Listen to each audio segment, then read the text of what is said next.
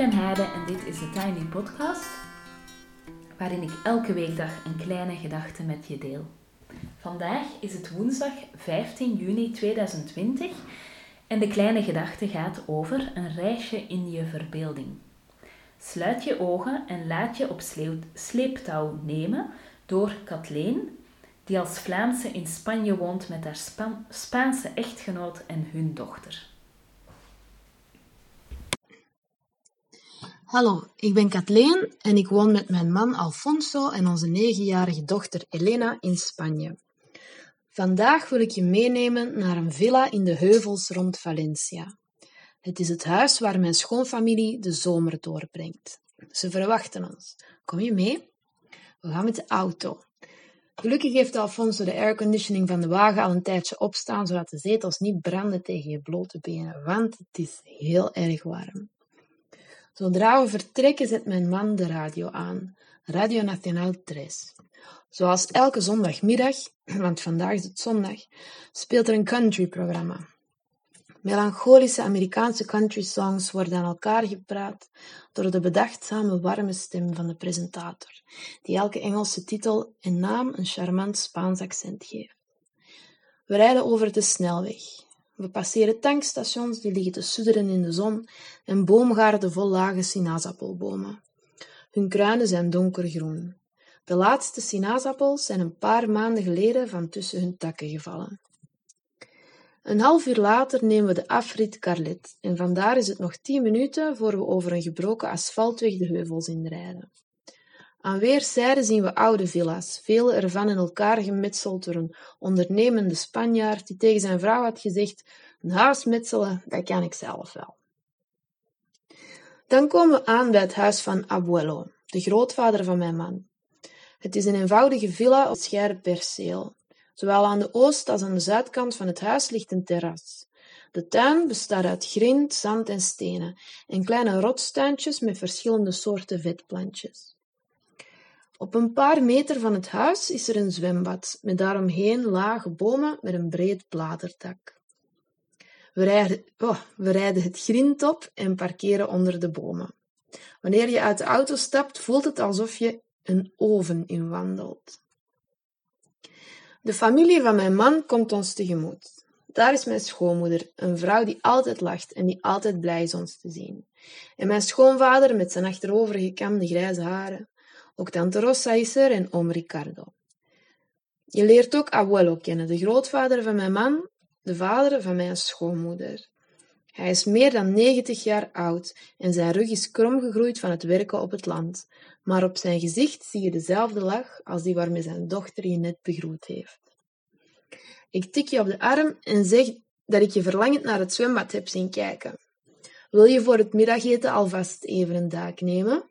Ja, ja. Kom, dan gaan we het huis in en toon ik je de badkamer waar je je kan omkleden. Laat je kleren en je tas daar maar in een hoek liggen. Zo, daar ben je weer, in je zwempak of bikini, met slippers aan je voeten en een badhanddoek om je heen geslagen. Je loopt door de keuken en het terras op, alsof je al helemaal thuis bent. En zo hoort het ook. Vanaf het terras daal je drie treden af en je stapt de tuin in. Over een paadje van gebroken tegels wandel je naar het zwembad, dat blauw en koel ligt te lonken in de felle middagzon. Het water is koud genoeg om de hitte uit je lijf te slaan en lauw genoeg om je er meteen in te kunnen onderdompelen. Je trekt je lichaam met langzame slagen naar de overkant. Je keert om, je sluit je ogen, je duikt onder. Er is zoveel ruimte om je heen. Alle zorgen die je had weken van je los en worden opgenomen door het water. Je durft echter niet te lang in het zwembad blijven, want wat als je zo meteen te laat komt voor het middageten? Toen je voor het laatst op je mobiele telefoon keek, was het al half twee. Dus je komt naar het water, slaat de handdoek weer om je heen en loopt slefferend naar het huis. In de badkamer droog je je af en trek je weer je kleren aan. Je smeert je in met zonnecrème. Er is niets wat zo naar vakantie ruikt als zonnecrème. Wanneer je met natte haren weer in de keuken verschijnt, is daar niemand te bekennen. Zitten ze dan allemaal al aan tafel op je te wachten? Haastig loop je naar het terras. Inderdaad, daar zit de hele familie bij elkaar, op witte plastic tuinstoelen aan een witte plastic tafel. Behalve Abuelo, die loopt met een schoffel door de tuin. De tafel is op een paar glazen en een fles water na leeg. Eten is er niet te bekennen. Ook op de ronde plastic tafel in de hoek staat er niets dat wijst op een maaltijd. Hoe laat is het? stamel je verbaasd. Iets voor tweeën, zegt mijn schoonvader. Heb je honger? Dan zullen we eens aan het eten beginnen. Hij en oom Ricardo staan op en lopen naar de garage. Tien minuten later sta ik ook op en zeg: Kom, dan kan je zien hoe een echte paella gemaakt wordt. Wanneer je binnenstapt in de garage, zie je dat het eigenlijk eerder een schuur is. Er ligt hout opgestapeld naast lege kratten, er staat een oude fiets. Aan de rechterwand hangen werktuigen van Abuelo aan haken en in de linkermuur is er een raam waaronder een tafel staat opgesteld. In de linkerhoek is er een haardvuur gemetseld op een meter boven de grond en daar staan mijn schoonvader en oom Ricardo. In deze haard is er een, is een houtvuur aangemaakt waarin een ijzeren driepikkel staat. Daarop hebben ze een enorme pan geplaatst waarin konijnenvlees ligt te sudderen in een grote hoeveelheid olie. Met een lange spatel draaien ze de konijnenboutjes om. Op de tafel onder het raam staan de andere ingrediënten klaar. Witte bonen, groene bonen, artisjokken, repen paprika, zout. En rijst natuurlijk. Om Ricardo wappert met een papieren zakje voor je neus. Weet je wat dit is? Je schudt van nee en Ricardo lacht. Kleurstof, roept mijn schoonvader, want safraan is veel te duur. Je kijkt een tijdje geboeid toe hoe beide mannen om beurten over het vuur en het vlees waken. Hoe lang duurt het voor het klaar is? doet je hongerige maagje vragen. Oh, ik denk dat we tegen drie uur wel kunnen eten, zegt mijn schoonvader. Je slikt en schuifelt weer naar het terras, waar je jezelf een glas water inschenkt. Wanneer je drie kwartier later op het punt staat flauw te vallen van de honger, komt iedereen opeens in beweging. El zegt mijn schoonmoeder en wenkt je mee naar de keuken. Daar worden allerlei kommetjes boven gehaald en gevuld met pindanoten, chips en lupine.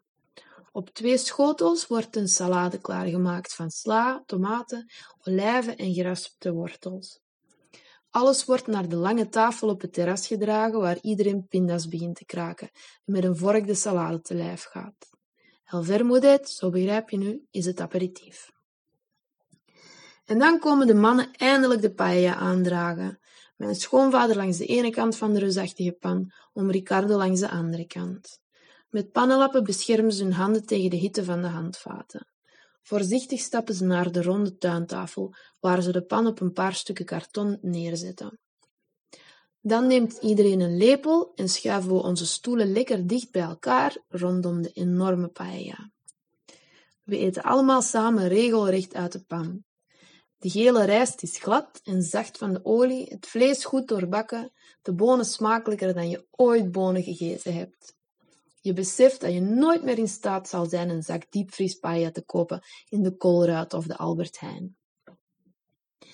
Nadat iedereen voldoende heeft gegeten, halen de vrouwen glazen bewaarpotten uit de keuken en schrapen de pan leeg.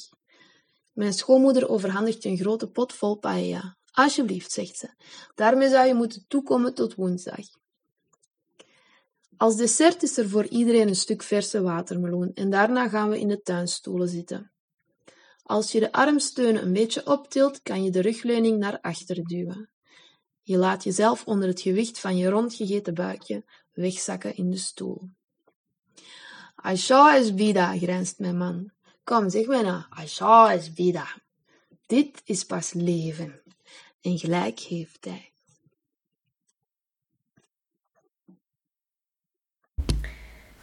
Kathleen kan niet alleen heel leuk vertellen, ze kan ook prachtig schrijven.